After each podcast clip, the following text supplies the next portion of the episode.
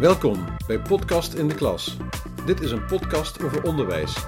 Aan het woord zijn leerlingen en docenten. Luister naar achtergronden en naar tips voor betere schoolresultaten. Ik ben Roberto Cristofori.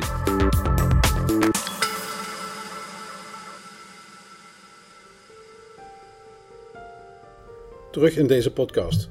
Wie van tevoren had gezegd dat de toestand in de wereld met corona meer dan een jaar zou gaan duren, zal waarschijnlijk voor gek zijn versleten. Maar we zijn nu een jaar later. De laatste podcast in de klas is ermee geëindigd. En ik had al die tijd de moed niet om ermee door te gaan. De gedachten stonden er gewoonweg niet naar. En bovendien, wat was er niet in de tussentijd wel niet allemaal op ons afgekomen? Van gesplitste klassen tot lockdown, van hybride lessen tot volledig online en terug. Met recht een rollercoaster te noemen. Maar goed, als dit voorlopig nog even het nieuwe normaal moet gaan worden, dan doe ik nog een rondje. Tot aan de zomervakantie waarschijnlijk. Daarna maar afwachten en welke golf we dan misschien terecht gaan komen. Hoewel ik verwacht dat we het met het aantal besmettingen en dus de risico's na de vakantie wel een eind gehad hebben. Of niet? Zoals iedereen nu inmiddels wel doorheeft, er zijn twee factoren die voor een voorspoedig einde een hoofdrol blijven spelen: de vaccinaties en ons eigen gedrag. Terug naar de podcast. Podcast in de klas. Aflevering 5 staat niet weer in het teken van corona, maar de ervaringen van een paar leerlingen wilde ik jullie niet onthouden. Ze vertellen over hun terugkomst op school. Verder zijn we via de media behoorlijk geconfronteerd geraakt met de maatschappij. Daarom heb ik Daniel Fluitsma gevraagd iets te vertellen over zijn vak. Hij geeft aan het einde nog een paar tips voor docenten maatschappijleer. En ook is er even aandacht voor de examenkandidaten, die de komende twee maanden nog even aan de bak moeten. Met de openstelling van de middelbare scholen, nu net drie weken geleden, komen er weer groepen leerlingen in de klas.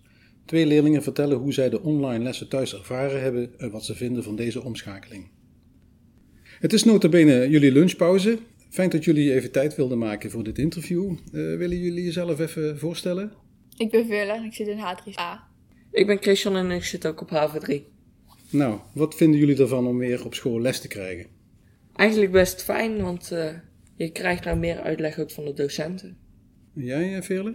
Ik vind het fijn om naar school te gaan, want dan heb je weer een regelmaat en ritme. Nou, dan is meteen de vraag van, hoe waren de lessen dan thuis eigenlijk? Ook wel best fijn, want je had meer eigen verantwoordelijkheid en je werd minder afgeleid door anderen en kon je eigen werktempo bepalen.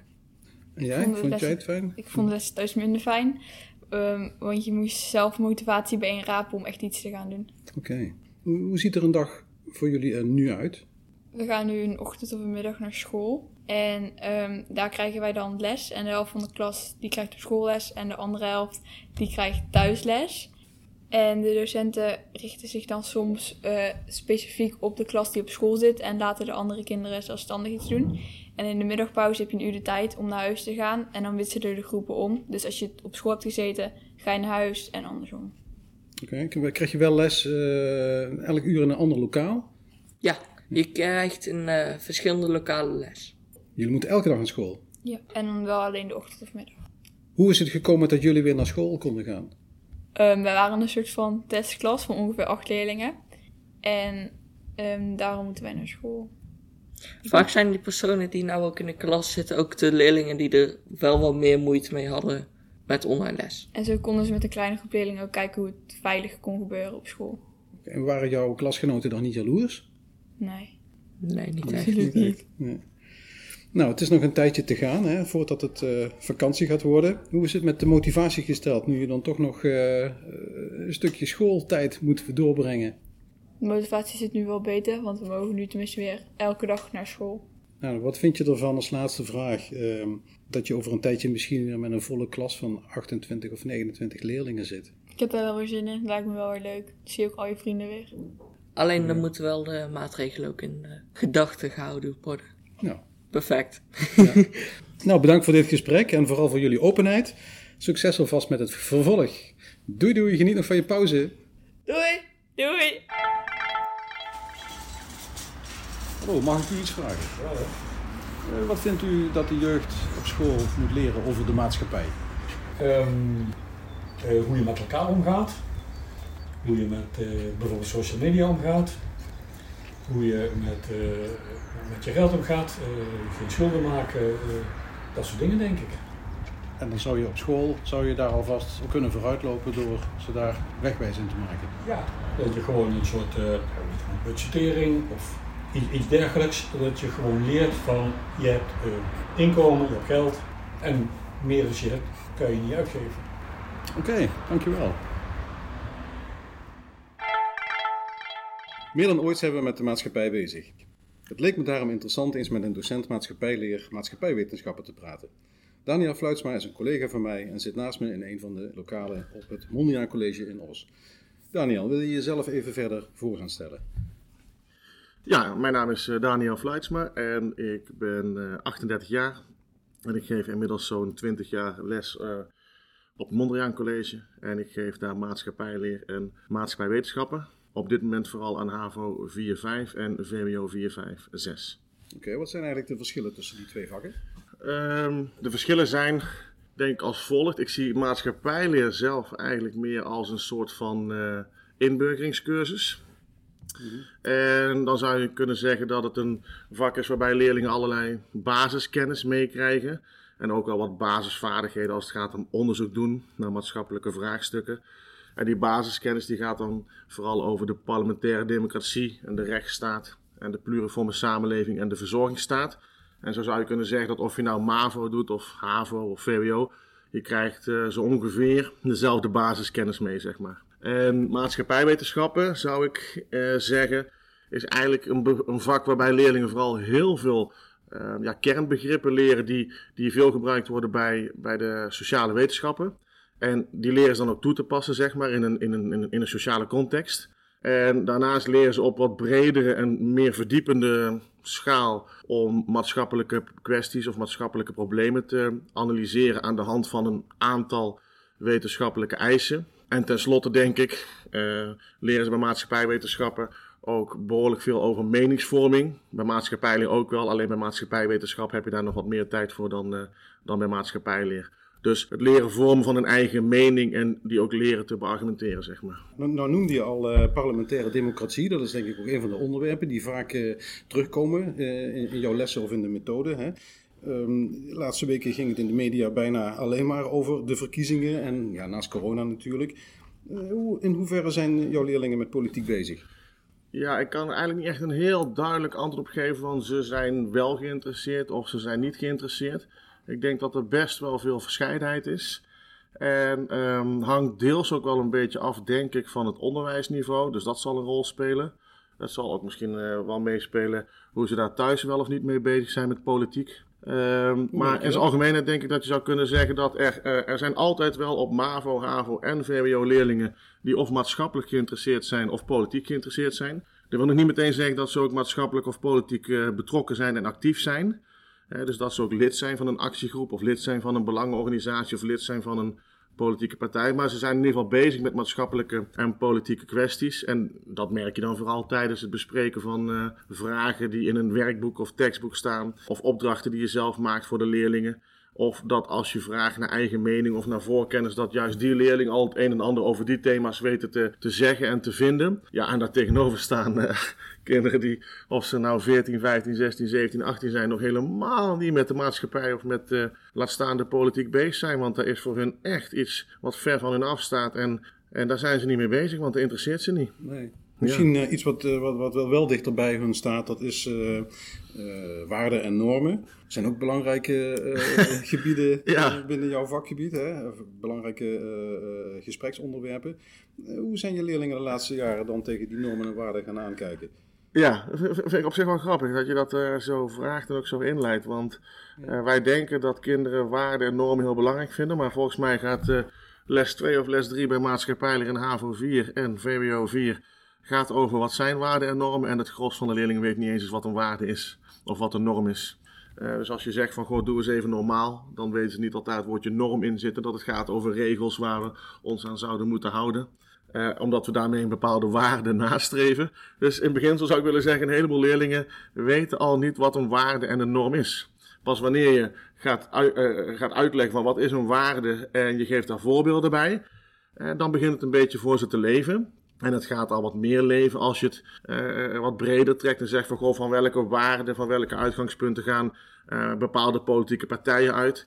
Ehm, of welke, eh, of, of, of, maatschappelijke organisaties of zo. En dat je dan uitlegt van, goh, waarom gaat de ene partij wel uit van de waardegelijkheid en de andere partij juist van de waardeongelijkheid. Hè? Of ehm, op welke manier strijdt de ene partij voor vrijheid en, en, en lijkt die andere partij dat te, te beperken, zeg maar. Dan pas komt het een beetje tot leven. Dus ik wil niet zeggen dat ze er niks over vinden of zo. Maar in beginsel, als je aan ze vraagt, noem maar eens vijf voorbeelden van waarden en geef ze bij elk twee of drie voorbeelden van normen, dan, dan komen ze niet heel ver. Maar uh, iets als uh, wat met discriminatie te maken heeft, of uh, genderneutraliteit, of wat dan ook, daar zijn ze veel meer mee bezig dan bijvoorbeeld met politiek. Dat wel, met, ja. Met, ja, maar ik, ik weet even niet of dat, waar dat dan precies aan ligt. Of dat dan ligt aan omdat ze daar zelf nog hele belangrijke thema's vinden. Of dat het to toevallig thema's zijn die in, in, in deze afgelopen twee, drie, vier, vijf jaar spelen of hebben gespeeld. Um, want uh, voordat uh, partijen als Bijeen of Denk aandacht hebben besteed aan discriminatie van allochtone uh, MBO-studenten, um, als het gaat om het verkrijgen van een stage, heb ik daar mijn eigen leerlingen niet heel veel over gehoord. Dus het is ook een beetje natuurlijk van wat in de media naar voren komt. daar pakken zij sommige dingen van op en die vinden ze dan ook belangrijk. En daar hebben ze dan ook vrij snel wel een mening over. En um, maar, maar sec van goh, wat zijn waarden, wat zijn normen en wat zijn mijn eigen waarden en normen. Dat, uh, dat, is, dat is nog niet iets wat je meteen bij aanvang eh, van uh, het vak maatschappijleer van die kinderen kunt verwachten dat ze, daar, dat ze dan weten wat dat betekent of zo. Nou is het wel zo dat de actualiteit van de alle dag, hè, dat dat heel erg ook het, het, leren beïnvloedt en ook de interesse, ook de, in de deelgebieden van jouw vak. Hoe, hoe, maak jij gebruik van die actualiteit? Ja, nou ja, kijk, um, je hebt als basis natuurlijk toch altijd wel gewoon een, een lesmethode. En voor maatschappijleer heb ik uh, um, een tekstboek en een werkboek. En in dat werkboek uh, worden de opdrachten elk jaar aangepast en die worden geactualiseerd. Dus daar werken we um, bijvoorbeeld vijf jaar met hetzelfde tekstboek. maar elk jaar krijgen we een nieuw werkboek met geactualiseerde opdrachten. Voor maatschappijwetenschappen geldt dat we gewoon een boek gebruiken en dat, dat boek gebruiken dan uh, een jaar of 4, 5, 6. En dat boek zelf wordt niet geactualiseerd. Dus wat je dan doet, is dat je zelf heel veel, uh, um, of heel vaak, of meer dan geregeld, gebruik gaat maken van, uh, ja, van het journaal. En dat maakt even niet uit of het het RTL 4 journaal is of het NOS journaal. Uh, van actualiteitsrubrieken of programma's bij de publieke omroep of bij de commerciële omroepen, waarin maatschappelijke thema's besproken worden. Um, Daarnaast ook heel veel krantartikelen en tijdschriftartikelen kopiëren en plakken en daar vragen bij bedenken. En ook al een beetje in de stijl van schoolexamenvragen. Uh, en wat dan vooral opvalt is dat, je, dat ik uiteindelijk media gebruik die zij zelf eigenlijk niet gebruiken. Dus als ik aan die kinderen vraag wie heeft dit gisteren al gezien bij RTL 4 Journaal? Of wie heeft dit gisteren al gezien bij 1 Vandaag? Of wie heeft dit programma over armoede uh, gezien? Dan krijg ik weinig vingers omhoog in de klas. Dus uh, wat mij opvalt is dat die kinderen zelf heel weinig gebruik maken voor, van wat voor mij zeg maar uh, mainstream media zijn. En die kinderen hebben gewoon andere uh, informatieplatformen die zij gebruiken, zeg maar. Ja. Nou, ik weet niet of het een strijd is, maar het is dus elke keer laat je dus zien van, goh, ja, wat wij van jou gaan verwachten, of wat mm. de, ja, de volwassen samenleving van jou verwacht, voor als je zometeen een MBO, HBO of universitaire studie gaat doen, en helemaal als je daarmee klaar bent, ja, dan verwachten wij dat je wel gewoon uh, naar de publieke omroepen kijkt en naar de commerciële omroepen kijkt. Dat je een keer een, een, een, een, een krant leest, of dan nou de Telegraaf is, of het Brabants Dagblad of de Volkskrant. Dat je eens een keer in het weekend een, een tijdschrift koopt en kijkt wat vind ik hiervan en wat haal ik hieruit. Dus waar, ik vraag eigenlijk aan ze om nu gebruik te maken van media die ze nu niet gebruiken. En waar ze nu dan informatie uit moeten halen om te zien dat ja, de onderwerpen die bij het vak maatschappij leren of maatschappij wetenschappen aan bod komen, dat die juist in die media heel erg terugkomen, naar voren komen. En dat ze daar en dus informatie uit moeten halen en dat ze op basis van die informatie ook een, een mening moeten vormen. En daarnaast ook moeten begrijpen waarom sommige mensen er heel anders in staan dan zij zelf. Ja. Zou jij het eens zijn met de stelling dat um, de beleving van de leerlingen steeds verder af is komen te staan met hetgeen ze moeten leren? Uh, ja, dat vind ik lastig. Want ik mm -hmm. heb zelf natuurlijk uh, uh, nog wel de mogelijkheid om te vragen aan de kinderen: wat vinden jullie interessant en welke, welke onderwerpen willen jullie bespreken? En dat ik daar dan vragen bij maak. dus voor mijn vak um, is er best wel veel mogelijk en veel vrijheid en flexibiliteit om die om die onderwerpen een beetje toe te spitsen op wat die kinderen interessant vinden. En waar komen ze dan mee? Uh, maar ja, ik zou ook wel willen zeggen, zo vaak komen ze daar niet mee. Ze accepteren eigenlijk wel, denk ik, de onderwerpen die gekozen zijn door de docent. Um, en ik zou het ook willen omdraaien. Ik, ik wil eigenlijk ook niet altijd onderwerpen uh, bespreken die zij interessant vinden. Want dat zijn talloze onderwerpen die die ook door hen ehm, be- belezen of beluisterd of besproken moeten worden, omdat het onderwerpen zijn die, eh, die hen indirect of direct ook aangaan. Of waar ze dadelijk mee te maken hebben zodra ze gaan studeren of zodra ze stage gaan lopen. En dat je ze wil meegeven van, goh, maatschappijleer is niet alleen een vak waarbij je heel veel kennis opdoet over eh, eh, ehm, eh, de, de rechtsstaat en de pluriforme samenleving en weet ik veel wat. Maar dat ze dus ook dadelijk een, een baan gaan krijgen waarin een, waarin een leidinggevende verwacht dat ze ook een mening durven te hebben over belangrijke zaken die in de maatschappij spelen. En dat ze daar enige kennis van hebben en begrijpen hoe anderen erin staan. En dat ze daar zelf ook een mening over Ja. moeten kunnen vormen.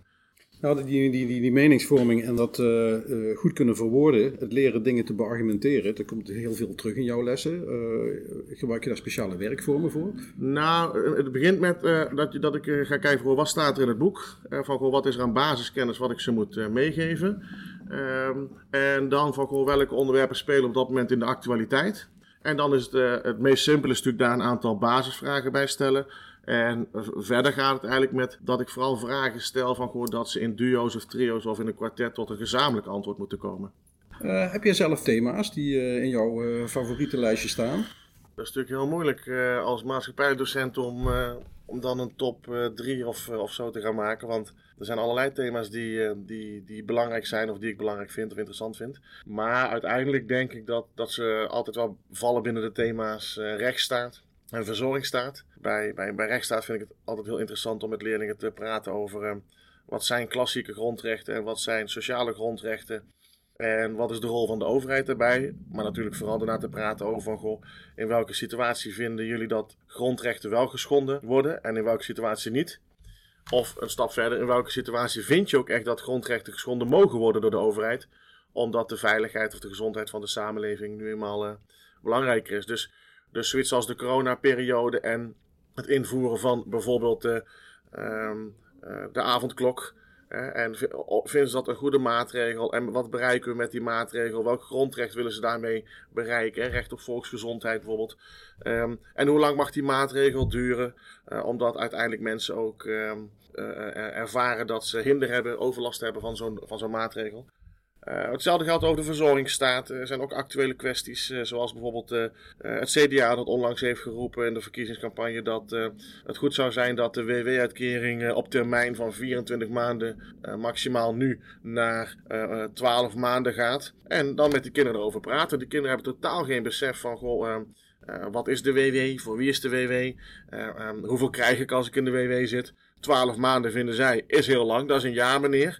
Nou, dat is echt wel eh, eh, een stip te ver eh, weg op hun horizon. Maar als je dan gaat, gaat analyseren en gaat, gaat, gaat, bekijken van, goh, ja, hoe snel kan zo'n jaar voor mensen voorbij zijn en wat zijn dan de gevolgen voor mensen?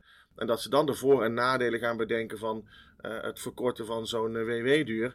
Kijk, dat is interessant. En in bredere zin zou ik willen zeggen, ja, eigenlijk eh, eh, selecteer ik, of, soms roepen eh, eh, leerlingen zelf onderwerpen, ehm, die ik dan met hen wil bespreken. Omdat ik ze één heel snel, snel en makkelijk kan verbinden aan, aan de leerstof van dat moment. Of ook als het daar los van staat, ehm, met hun kan bespreken van goh, en hoe denken de verschillende partijen daarover. Dus zoek eerst eens even op hoe partijen daarover denken. En bepaal daarna eens even van goh, wat zijn de overeenkomsten en verschillen tussen partijen. En waar sta je zelf? Maar dat kunnen kwesties zijn die op dat moment eh, spelen, zeg maar. Het leenstelsel, eh, wat dan een aantal jaar geleden is ingevoerd voor studenten. Eh, moet dat nou afgeschaft worden? Eh, of moet het gedeeltelijk aangepast worden en is het dan ook goed? En hoe gaan we dan om met de generatie die wel het leenstelsel heeft gehad? Krijgen die alsnog een, een, een beurs of een tegemoetkoming of zo? Als de lonen stijgen in Nederland, moeten de uitkeringen dan meestijgen? Kijk, dat zijn dan thema's die actueel zijn of actueel worden. Maar ik ben heel erg op zoek eigenlijk elke keer naar wat staat er in het boek? Wat is er in de actualiteit geweest de afgelopen paar weken of paar maanden? En hoe kan ik die aan elkaar verbinden? En hoe kan ik dan ook eindigen met en waar vind je jezelf van? Want uiteindelijk gaat het erom van, goh, eh, wat, wat, wat, eh, wat blijft er voor jou van over? En wat doet het met mij of wat vind ik ervan? Dan heb je in al die jaren heel wat ervaring opgedaan in het lesgeven. eh, vooral bovenbouw eh, van ons voortgezet onderwijs. Welke tips zou jij jonge startende docenten maatschappijleer willen meegeven? Ja, nou ja, ik zou als, als eerste willen zeggen van, goh, ehm, het is een, echt een proces van vallen en opstaan.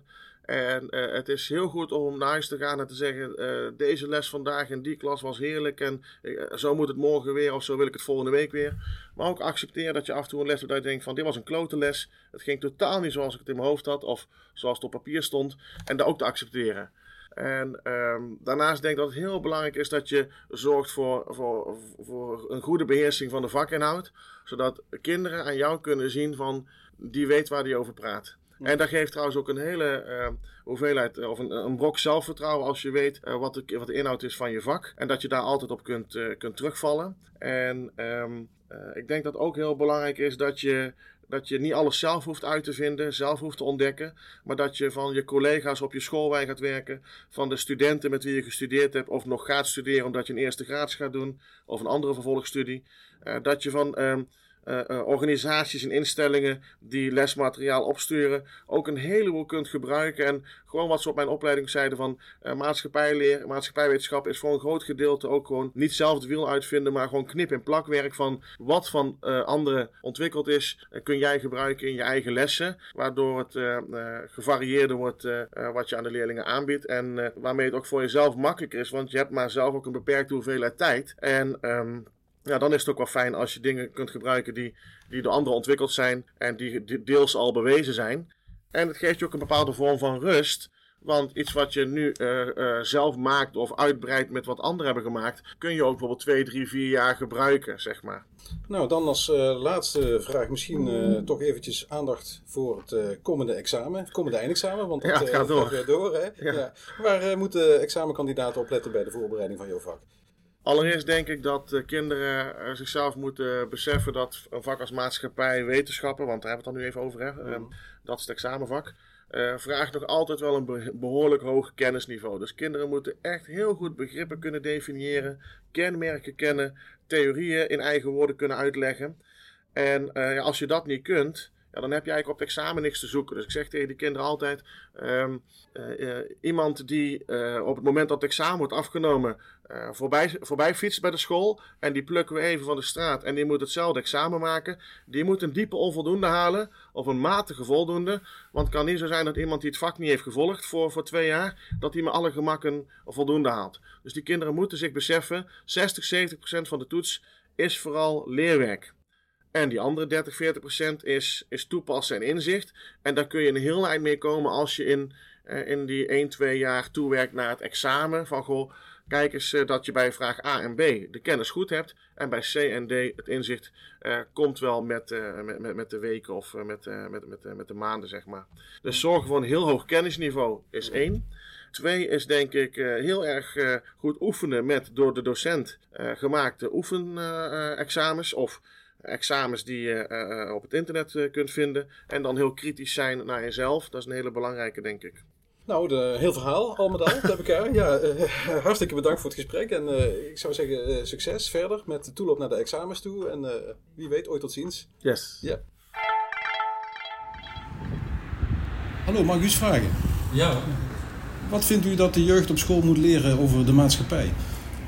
Ehm, wat de jeugd moet leren over de maatschappij is eigenlijk, wat ik vind, is dat ze in een vroeger stadium al moeten leren wat de maatschappij binnen Nederland eigenlijk betekent. Daar wil ik mee zeggen dat ze eigenlijk op jongere leeftijd al, dus vanaf de basisschool, al leren van hoe is de maatschappij, wat wordt van mij verwacht, wat voor werk moet ik later doen, wat voor schoolopleiding moet ik later gaan, gaan volgen.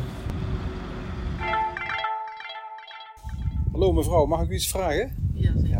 Um, wat uh, vindt u dat de jeugd op school moet leren over de maatschappij?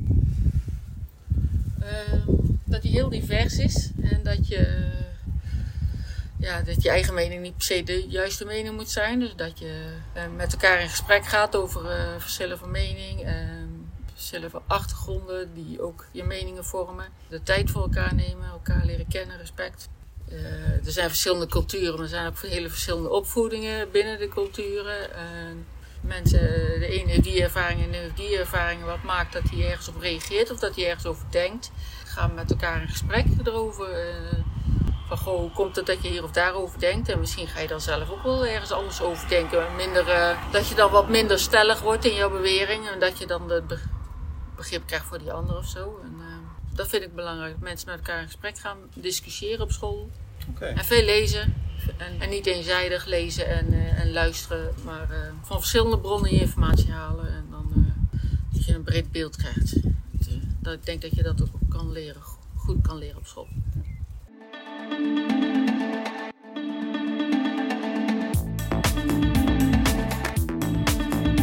Dit is het einde van aflevering 5. Vond je het leuk en interessant om te horen en ben je benieuwd naar de volgende aflevering? Abonneer je dan alvast op de podcast in de klas via jouw stream, Soundcloud, de podcast app of Spotify. Tot de volgende keer.